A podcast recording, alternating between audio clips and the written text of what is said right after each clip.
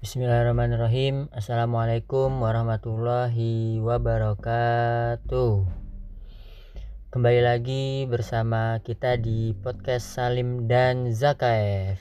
Insya Allah di episode kali ini kita akan kembali melanjutkan pembahasan kita. Dan di episode kali ini Aneh sendiri yang bahas Sekarang tentang kekhalifahan Abu Bakar berdasarkan isyarat ayat dan hadis. Nah, sekarang kita bahas dari berdasarkan hadis dulu ya. Dari Imam At-Tirmidzi dan Hakim meriwayatkan dari Hudzaifah menurut At-Tirmidzi riwayat ini sahih. Ia berkata bahwa Rasulullah Shallallahu alaihi wasallam bersabda, "Ikutilah jejak dua orang sesudahku yaitu Abu Bakar dan Umar." Hadis serupa diriwayatkan oleh At-Tabrani, Abu Darda, dan Al-Hakim dari Ibnu Mas'ud.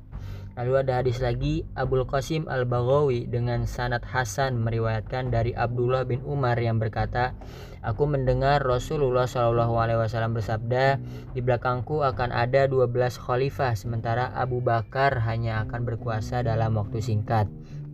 Semua ulama sepakat dengan kesohihan hadis tadi. Lalu ada hadis lagi dari Ibnu Asakir meriwayatkan dari Ibnu Abbas ia berkata, seorang perempuan mendatangi Rasulullah Shallallahu Alaihi Wasallam untuk menanyakan sesuatu. Rasulullah Shallallahu Alaihi Wasallam bersabda kepadanya, datanglah lagi untuk menemuiku. Lalu perempuan itu bertanya, bagaimana kalau aku datang dan tidak bisa berjumpa denganmu? Seakan-akan perempuan itu bertanya bagaimana seandainya engkau sudah wafat.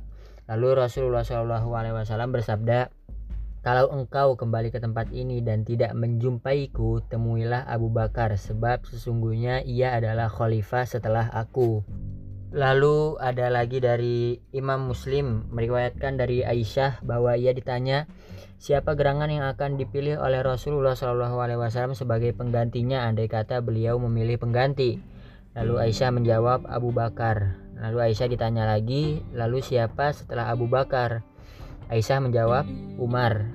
Aisyah kembali ditanya, lalu setelah Umar, uh, lalu Aisyah menjawab lagi, Abu Ubaidah bin Jarrah.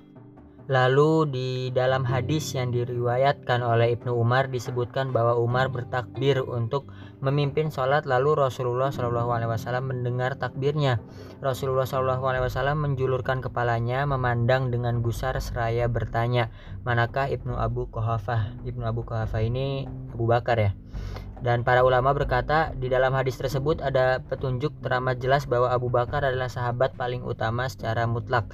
Ialah yang paling berhak untuk memangku khalifah dan paling berhak menjadi imam.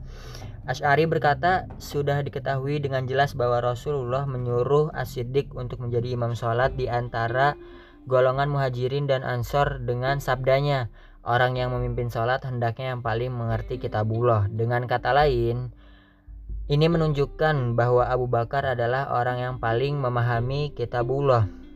Para sahabat juga mengambil dalil dari hadis ini bahwa Abu Bakar adalah orang yang paling berhak untuk memangku khilafah. Sekian di antara orang yang mengambil dalil dari hadis ini adalah Umar dan Ali radhiyallahu anhu. Para ulama berkata bahwa semua maklum betapa Abu Bakar adalah orang yang mumpuni untuk memangku khilafah pada zaman Nabi Shallallahu Alaihi Wasallam. Lalu selanjutnya berdasarkan dalil Al-Quran yaitu ada surat Al-Maidah ayat 54 di sini yang artinya Wahai orang-orang yang beriman, barang siapa di antara kamu yang murtad dari agamanya, maka kelak Allah akan mendatangkan suatu kaum yang Allah mencintai mereka dan mereka mencintainya. Para ulama mengambil kesimpulan tentang uh, kekhalifahan Abu Bakar dari ayat-ayat dari ayat ini, Imam Al-Baihaqi meriwayatkan dari Hasan Al-Basri tentang firman Allah yaitu surat Al-Maidah ayat 54. Ia berkata, "Demi Allah yang dimaksud adalah Abu Bakar dan sahabat-sahabatnya yaitu tatkala orang-orang Arab murtad, Abu Bakar memerangi mereka sampai mereka kembali ke pangkuan Islam." Jadi maksud dari maksud ayat tersebut menurut Hasan Al-Basri ini adalah Abu Bakar dan juga sahabat-sahabatnya. Lalu ada lagi surat Al-Fat ayat 16 yaitu yang bunyinya artinya katakanlah kepada orang-orang Baduy yang tertinggal kamu akan diajak untuk memerangi kaum yang mempunyai kekuatan yang besar. Ibnu Abi Hatim meriwayatkan dari Juaibir tentang firman Allah yaitu surat Al-Fat ayat 16 ini lalu ia berkata mereka adalah Bani Hanifah sementara itu Ibnu Abi Hatim dan Ibnu Kutaibah berkata ayat ini adalah bukti bagi khilafah Abu Bakar sebab ialah yang mengajak orang-orang untuk memerangi mereka Lalu ada Al-Khatib meriwayatkan dari Abu Bakar bin Iyash. Ia berkata, Abu Bakar As-Siddiq adalah khalifah Rasulullah.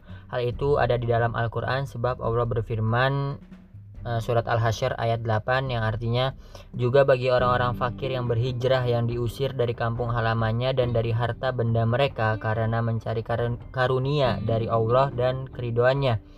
Dan karena mereka menolong Allah dan Rasulnya mereka itulah orang-orang yang benar orang yang disebut-sebut Allah sebagai orang-orang yang benar pastilah tidak pernah bohong. Mereka juga memanggilnya wahai khalifah Rasulullah. Ibnu Katsir berkata, inilah simpulan yang baik.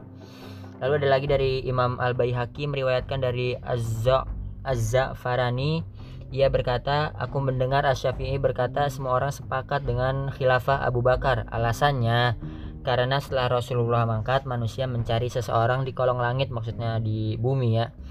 Ini untuk menjadi khalifah tetapi tidak ditemukan seorang pun yang lebih baik daripada Abu Bakar. Karena itu mereka menjadikannya sebagai pemimpin. Lalu ada sebuah kisah. Ibnu Asakir meriwayatkan dari Muhammad bin Zubair katanya Umar bin Abdul Aziz mengutusku kepada Hasan al-Basri untuk menanyakan beberapa masalah jadi di sini Muhammad bin Zubair diutus oleh Umar bin Abdul Aziz kepada Hasan Al-Basri untuk menanyakan beberapa masalah. Aku pun menemuinya dan berkata, akunya ini Muhammad bin Zubair, berilah aku jawaban yang memuaskan tentang perselisihan yang terjadi di antara manusia. Apakah Rasulullah menentukan Abu Bakar sebagai penggantinya? Lalu Hasan al-Basri duduk dengan sempurna lalu berkata, apakah ia masih sangsi demi Allah yang tiada Tuhan selain dia? Rasulullah Shallallahu Alaihi Wasallam benar-benar telah menunjuknya sebagai penggantinya. Bukankah ia orang yang paling tahu tentang Allah dan paling bertakwa kepadanya? Salah satu satu hal yang paling beliau khawatirkan adalah kalau beliau wafat dan tidak memerintahkan Abu Bakar untuk memimpin.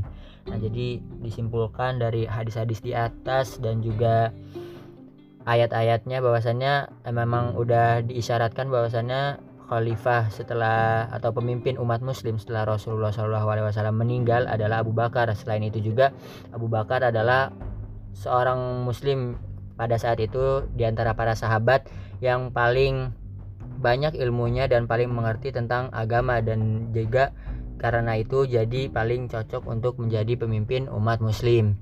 Nah jadi episode kali ini sampai sini dulu. Kurang lebihnya mohon maaf.